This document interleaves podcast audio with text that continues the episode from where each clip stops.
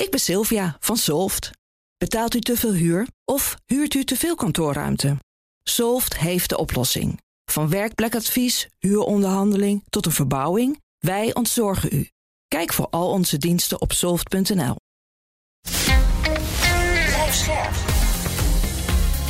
BNR Nieuwsradio. Boekenstein en de Wijk. Hugo Reitsma. Welkom bij Boekenstein en de Wijk. Het is donderdag, dag 526 van de oorlog in Oekraïne. Bij ons is HCSS defensiespecialist Patrick Bolder en we gaan het hebben over attritieoorlog. Want het lijkt erop dat uh, het Oekraïnse tegenoffensief opnieuw daarop lijkt uit te, uit te draaien. Uh, Arjan las een stuk hierover en, en die begreep het geloof ik niet helemaal of wel helemaal. Vert, vertel maar Arjan. Probeer het samen te vatten, maar Patrick, ik ga ik allemaal militaire vragen erover stellen. Ja. Het stuk van Lawrence Friedman, die man hebben we veel vaker behandeld. Dat een belangrijke emeritus eh, professor. Hè. Ukraine's counteroffensive setting expectations. Het is overigens van zijn Substack-blog. Je kan het zo vinden uh, op het internet. Ukraine's counteroffensive setting expectations. Dus stel je verwachtingen bij. Nou, de kern van zijn stelling is eigenlijk Iedereen hoopt op een doorbraak. Iedereen hoopt op een manoeuvreoorlog. Dat wil zeggen dat je doorbreekt, dat je een blitzkrieg maakt, dat je de Russen oprolt. Hè? Maar ja, het is natuurlijk eigenlijk gewoon een attritieoorlog. Attritie betekent dat je in een impasse zit, dat er ontzettend veel mensen sterven en dat je niet veel opschiet. Hè? Um, nou ja, dat is wat er aan de hand is. Uh, en, en hij zegt van laten we alsjeblieft onze verwachtingen bijstellen. Dit zal niet snel tot een doorbraak leiden. Dat zou hmm. natuurlijk kunnen. Maar het enige wat je kan doen is dat je probeert dus de logistieke uh, achter, achter de uh, troepen allemaal kapot te maken. Waardoor de aanvoer van munitie van Rusland uh, moeilijker wordt. Omdat je dus die bruggen hebt beschadigd. Hè? En, en, dan hoop je dat via die wijze, dat de, de, Russische slagkracht minder groot wordt. En dat misschien de Oekraïne wat voortgang kan maken. Maar het, een, de, de meeste manoeuvreoorlogen, dit zijn er eigenlijk maar heel weinig, die leiden uiteindelijk tot een uitputtingsoorlog. Hè. Bijvoorbeeld de Eerste Wereldoorlog. Het zou een frische en fröhliche krieg zijn. Met zijn de jongens weer thuis. Hè. Ja. En dat wordt een verschrikkelijke uitputtingsoorlog. Hè. Ja. Uh, en alleen en, de uitzondering is de Tweede Wereldoorlog, waar natuurlijk de Duitsers fantastisch met die tanks ongelooflijk goed uh, opereerden. Uh, en, uh, en Patrick gaat nu uitleggen.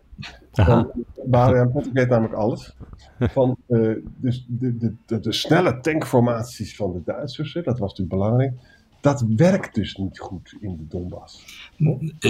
nou, in dit geval. Um, Poetin die dacht natuurlijk ook een, een blitzkrieg te doen. En dat is ook wat hij natuurlijk mm -hmm. als voorbeeld zag van de Duitsers. waren heel succesvol in de begindagen 39-40.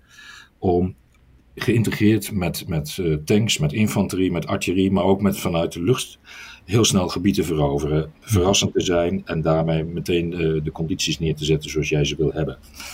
Um, in de Irak-oorlog leken we ongeveer hetzelfde te zien dat Amerika na, na meer dan 100 dagen opbouw en 100 dagen uh, degraderen van de Irakse luchtverdediging ook over de grond er heel snel in kon.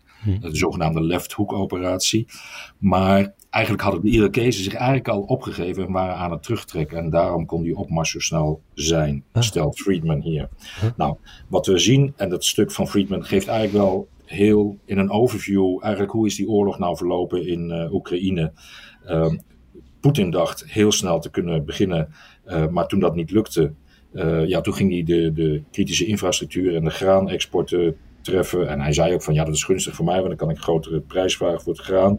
En hij dacht dat de NAVO wel uiteen zou vallen en de steun zou wegvallen.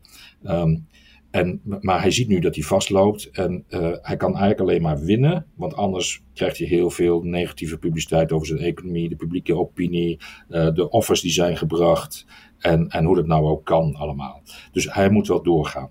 Nou, wat je ziet, we lopen nu vast. Um, Oekraïne heeft harder kunnen vechten dan Poetin dacht. Uh, heeft zelfs terrein teruggewonnen in september, daar in het noorden bij Kharkiv. En in november het noordelijk deel van de provincie Gerson. Mm -hmm. En nu staan we een beetje met de koppen tegen elkaar. Want toen Kharkiv werd verloren, toen begon. Ja, de Wagner-linie werd toen al gebouwd, werd het toen genoemd. Hè, dat synoniem aan de Maginot-linie, ook bekend uit uh, uh, Europa. De, de Frans-Duitse scheiding eigenlijk die daar plaatsvond om tankformaties tegen te houden. Mm -hmm. Heeft ook niet zo goed gewerkt trouwens. Ehm, en, en ja, dus van een mobiele oorlog en een blitzkrieg is het vastgelopen en krijgen we nu die attritieoorlog. En dan gaat het erom wie heeft nu de, de diepste voorraden, wie heeft nu de beste middelen. En je ziet wel dat af en toe probeert Oekraïne dan met zo'n uh, manoeuvreoorlog, en dat zagen we vorige week donderdag, uh, om te kijken of je zo kunt bewegen. Maar dat is lastig, omdat je al die tankgrachten, de mijnenvelden, de versperringen hebt. Uh, en dan niet één laag, maar nog wel drie of vier of vijf dik soms. Mm -hmm. ja, en dan loop je dus vast. En dan heb je geen manoeuvreoorlog meer. Uh, is ook gevaarlijk op dat moment, want dan staan je grote wapensystemen als de tanks en de artillerie, die staan stil. En met al de drones die boven het gevechtsveld vliegen, van beide kanten trouwens hoor, maar met al die drones is het gevechtsveld ook transparant geworden. En zijn die stilstaande grote wapensystemen ook lonende doelen geworden natuurlijk. Ja, en wat je nu ziet, is dat Oekraïne weer aan het uitstijgen is wel gebruik maakt van die westerse panzerwagens. Want die hebben een goede ballistische bescherming tegen kogels en tegen de lichtere antitankgranaten. En dan zie je dat ze eigenlijk weer het infanteriegevecht uh, te voet gaan voeren. Uh, en alles bij gebrek aan luchtsteun. Uh, dus dat blijft ook wel gevaarlijk. Maar dat is de enige veilige manier van optreden op dit moment. Ja, maar en dat is volgens mij niet aan de hand. Maar even iets vragen. Ik ben ben maar een leek. Oké, okay, dus die tanks die zijn veel, veel te kwetsbaar. Je gaat op de voeten. Maar dan zitten er nog steeds die drones boven je hoofd. Ja. En je loopt dan dus van bosje naar bosje, je ziet er ook filmpjes van. Hè? Ja. Dat betekent dat er ook dan, en dan moet je dus die mijnen moet je doen, ook dan worden er gewoon heel veel Oekraïnse soldaten vermoord. Nee, dat, klopt. Het is ook een hele, hele ingewikkelde en moeilijke operatie. Um, wat je ook ziet is dat de antidrone.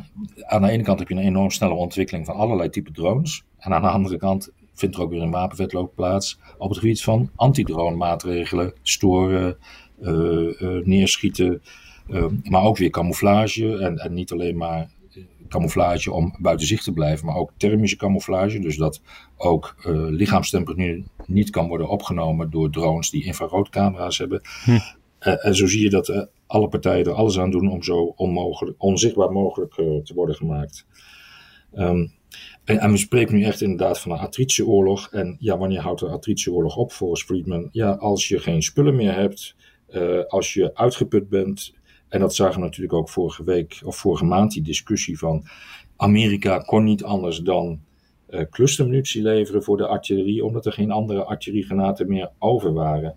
Nee. Uh, en ook Rusland die, die struggelt met dat probleem. Volgens de Engelse inlichtingendienst, van het Engelse ministerie van Defensie. Want die zeggen ook van ja, de Russen die zitten daar ook vast. Eenheden die al dagen, maandenlang niet geroteerd zijn. Dus die echt moe zijn. Die, uh, er is een tekort aan uh, artillery shells, dus artilleriegranaten. Er is een tekort aan um, munitie, gewone munitie. Er is een tekort aan eten. Er is een tekort aan brandstof. En dat komt omdat Oekraïne in die attritieoorlog niet alleen maar aan het front vecht maar ook met de, de HIMARS systemen met name, maar ook met de Scalp en de Storm Shadow, um, echt in de diepte kan opereren en daarmee Russische voorraadpunten, Russische aanvoerroutes, Russische munitiecomplexen, Russische uh, uh, kazernes die ingericht zijn in bezet Oekraïne kan treffen. En eigenlijk de Russen daarmee dwingt om die voorraden nog verder naar achter te brengen. Waardoor ook de weg die die voorraden moeten afleggen naar het front langer wordt en ook weer kwetsbaarder wordt. En dat is nu zeg maar, hoe ga je dan om met die attritieoorlog? Is eigenlijk te zorgen dat je vijand steeds verder naar achteren zijn voorraden moet ophalen. Vandaar ook dat ze graag die lange afstandswapens hebben, die ATACMS, Army Tactical Missiles, om de Russische voorraden nog verder weg te drukken en nog sneller te vernietigen voordat ze aan het front komen. Ja, dat is denk ik de enige manier nu om met die attritie om te gaan. Uh, want ze hebben ook te weinig middelen om ontmijning te doen. En dat schrijft Friedman ook ja, ja, het enige wat we Oekraïne het beste kunnen helpen is door heel lang ze te blijven steunen. Dat is eigenlijk zijn eindconclusie volgens mij. Hm. Maar het zo werkt, op deze manier werkte het vorig jaar ook, toch? Voorafgaand aan die snelle opmars in uh, Kharkiv en iets minder snel bij Gerson, was het ook zo'n slijtageslag geworden, ja. toch? Nou, de, inderdaad. De, de komst van de HIMARS was toen, uh, die, die HIMARS-systemen waren toen net binnen. Uh, maar het was ook misleiding. Hè? Oekraïne die, die deed eigenlijk alsof ze het noordelijk, deel van de provincie Gerson wilden bevrijden. Maar ondertussen pakten ze de provincie Kharkiv in het noorden. En dat was best een verrassing. generaal Surovikin werd toen aangesteld om in ieder geval te behouden wat er was. Dat lukte hem niet helemaal, maar hij zei toen wel van we moeten ordentelijk uit het noordelijk deel van de provincie Gerson, dus over de Dnipro naar het zuiden trekken. Uh, maar we moeten meteen ook een heleboel verdedigende uh, stellingen gaan inrichten. En dat is toen gebeurd. Uh, en ja, het was wel een, een tactische terugtrekking eigenlijk uit het noorden van Gerson, maar dat was onhoudbaar geworden. maar ja, je ziet wel dat ze nu een jaar al bijna, elf maanden, zich aan het ingraven zijn. En ja, dat heeft er dan toe geleid dat het front nu echt wel stilstaat. Ja, hoewel het dus zou kunnen dat ze op een gegeven moment zo ver zijn afgesleten dat de Oekraïners er wel doorheen kunnen. Want ja, zo'n zo, zo verdedigende linie houdt het natuurlijk tot die, die het niet meer houdt. Ja, dat is inderdaad nu de strategie. We proberen de Russen echt uh, aan het front alles te ontzeggen. Um, maar er wordt wel een oorlog gevoerd en dat zegt uh, Friedman hier ook weer. Um, um, NATO zou dat nooit zo, de NATO-landen zouden dat nooit zo doen zonder het gebruik van uh, airpower, dus zonder het gebruik van de luchtmacht. Maar ja, dat kan nu niet in Oekraïne. Uh, bovendien hebben ze te weinig middelen om te ontmijnen. Ja, en dan loop je toch wel stil. Uh, dan loop je vast, dan staat het stil. en ook nog een keer in het, het voorjaar heeft heel lang geduurd voor Oekraïne. en dat betekent dat het terrein ook nog eens een keer vrij nat was, waardoor de mobiliteit in het terrein, met name met zware wapens, uh, ook niet optimaal was. Ja, dat heeft Oekraïne dan ook een beetje dwars gezeten. En bovendien, Oekraïne, de beste militairen van Oekraïne, die zijn al gesneuveld in de eerste drie, vier maanden van de oorlog. Toen ze de Russen echt moesten tegenhouden in de Russische blitzkrieg. Ja, en nu moeten we niet gaan verwachten dat nauwelijks getrainde militairen, nou inmiddels zijn er iets van 60.000 al getraind, maar met nieuwe middelen in één keer ook op een westerse manier van oorlog voeren, wel het verschil kunnen maken. Want ja, ze hebben te weinig uh, uh, gevechtservaring om dat uh, nou heel snel te kunnen doen. Dus dat is een beetje wat er aan de hand is daar. Ja. En het tragiek is dat die Kofman, die was er ook weer geweest hè, vorige week in de Oekraïne. Zo'n militair expert, ja. Michael Kofman, ja. En die zegt al bij de War on the Rocks dat de combined arms approach, dat, dat, kunnen ze nog niet. Dat kan je ook helemaal niet verwachten van net getrainde groepen. Dus de tragiek vind ik dit, jongens. Dat staat ook een beetje in het begin van dat, van dat, van dat blog. Hè? De Russen maken zich niet zoveel zorgen over slachtoffers. Nee. Daar gaan ze vrij slordig mee om. Maar dat betekent wel dat het onvermijdelijk is dat ze straks weer opnieuw moeten mobiliseren. Hè. Staat ook in de New York Times vandaag. Dus de vraag of dat dus leidt tot allerlei binnenlandspolitieke consequenties. Maar goed, dat is het verhaal. Tweede is dat Poetin die zal nooit bereid zijn om, om uh, zijn verlies toe te geven, want dan is hij dus weg. Hè? Dus die heeft een, dus, uh, in het begin zegt hij ook van het gaat er dus nu om dat Poetin niet verliest. Winnen zit er niet meer in. Hè? Dat zegt mm. hij eigenlijk. Hè? Mm. Nou, aan de andere kant heb je Oekraïne. Die Oekraïne kan helemaal niet uh, onbeperkt slachtoffers doen, want die zijn wat mensenrechten spelen daar een grotere rol. Hè? Mm -hmm. en, en, ze proberen ook stedelijke uh, oorlog in de, in de steden te vermijden. Hè? Nou, ja. waar leidt het allemaal toe als je het allemaal bij elkaar legt? Dat leidt dus tot een impasse. Hè?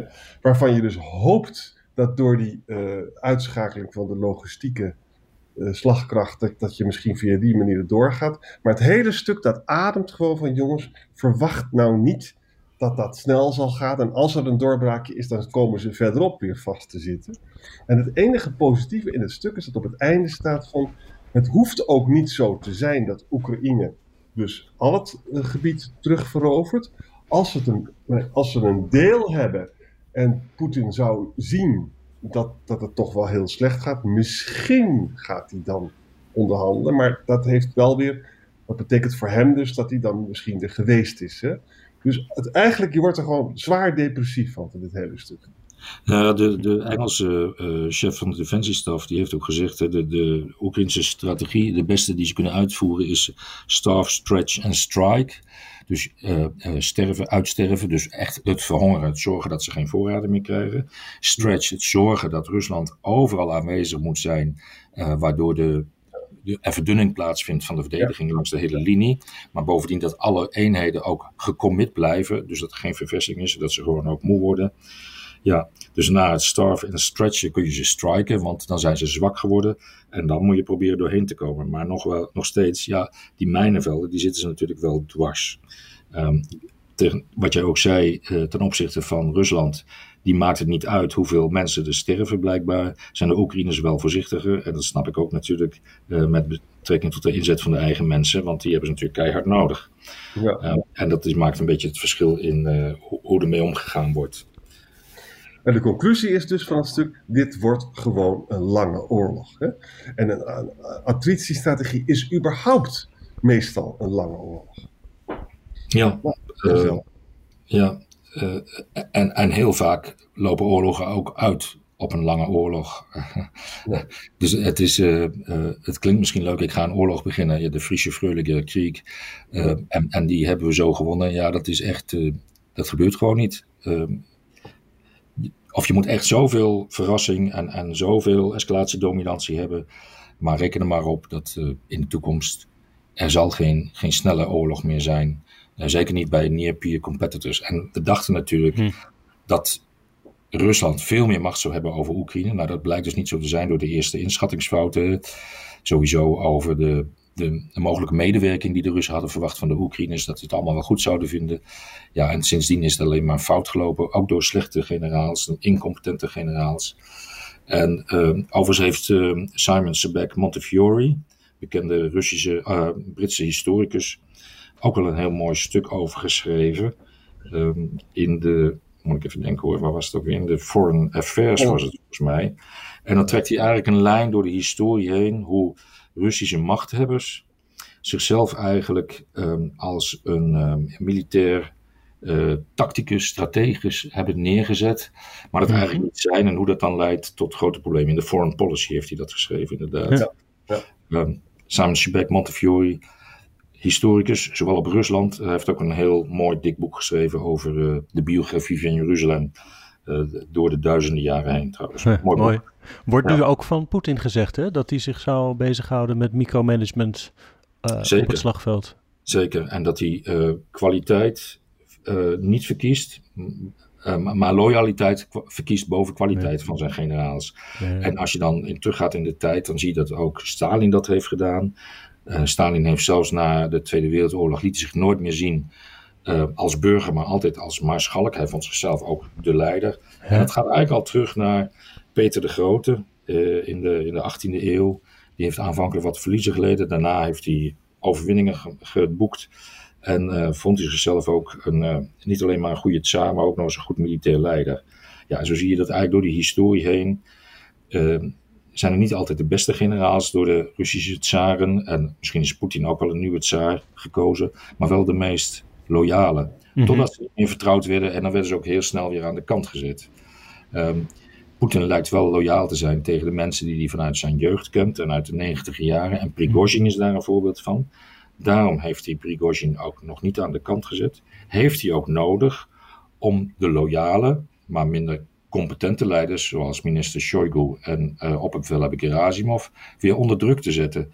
Want ook dat deel- en heersspel, dat zie je ook door de eeuwen heen eigenlijk gebeuren rondom die uh, Russische machthebbers. Dat deed Hitler trouwens ook, hè?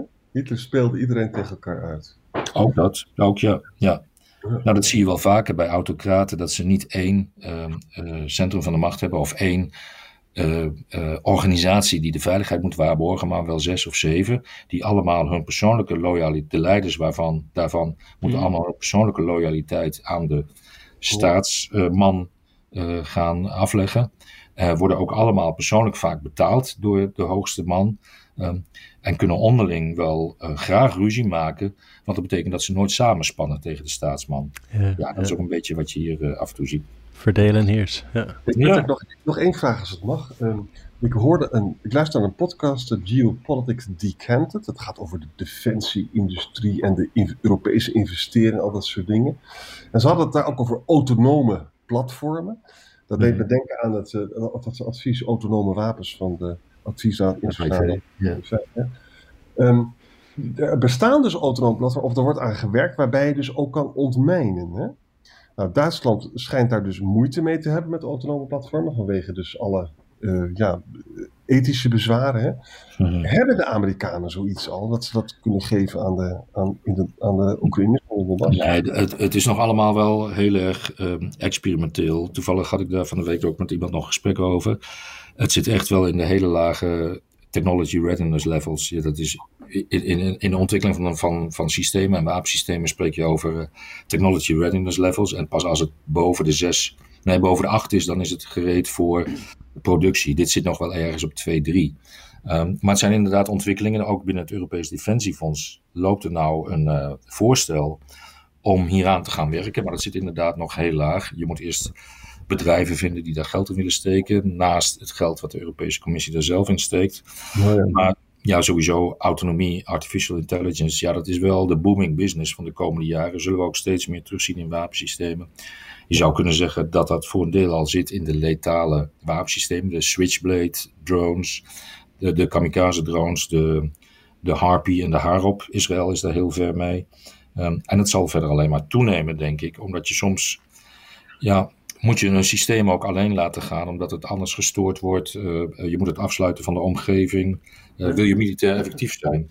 De vraag is alleen, vind je het moreel-ethisch verantwoord? En dan kun je wel weer allerlei grenzen inbouwen om te kijken van... Het is autonoom, maar ik leg, bouw het wel zodanig in de software in dat het alleen maar in een bepaald gebied, in een bepaalde tijd, bepaalde doelen mag aanvallen. Um, en soms is dat nodig omdat er zoveel storings, uh, systemen omheen zitten, dat je het ook niet meer daadwerkelijk als mens kunt blijven aansturen. Moeten wij dan zeggen, dat soort wapensystemen gebruiken we niet? Maar de tegenstander wel, en zetten we ons daarmee op de achterstand. Ja, dat is een discussie die eigenlijk al vrij oud is, maar zeker in het kader van, uh, van deze oorlog en de nieuwe ontwikkelingen hieromtrent uh, vast weer gaat oplaaien. Oké, okay. dank jullie wel weer, uh, John, Patrick, en tot morgen. Tot, tot morgen. Ik ben Olivier van Solft. Betaalt u te veel huur of huurt u te veel kantoorruimte? Solft heeft de oplossing. Van werkplekadvies, huuronderhandeling tot de verbouwing. Wij ontzorgen u. Kijk voor al onze diensten op soft.nl.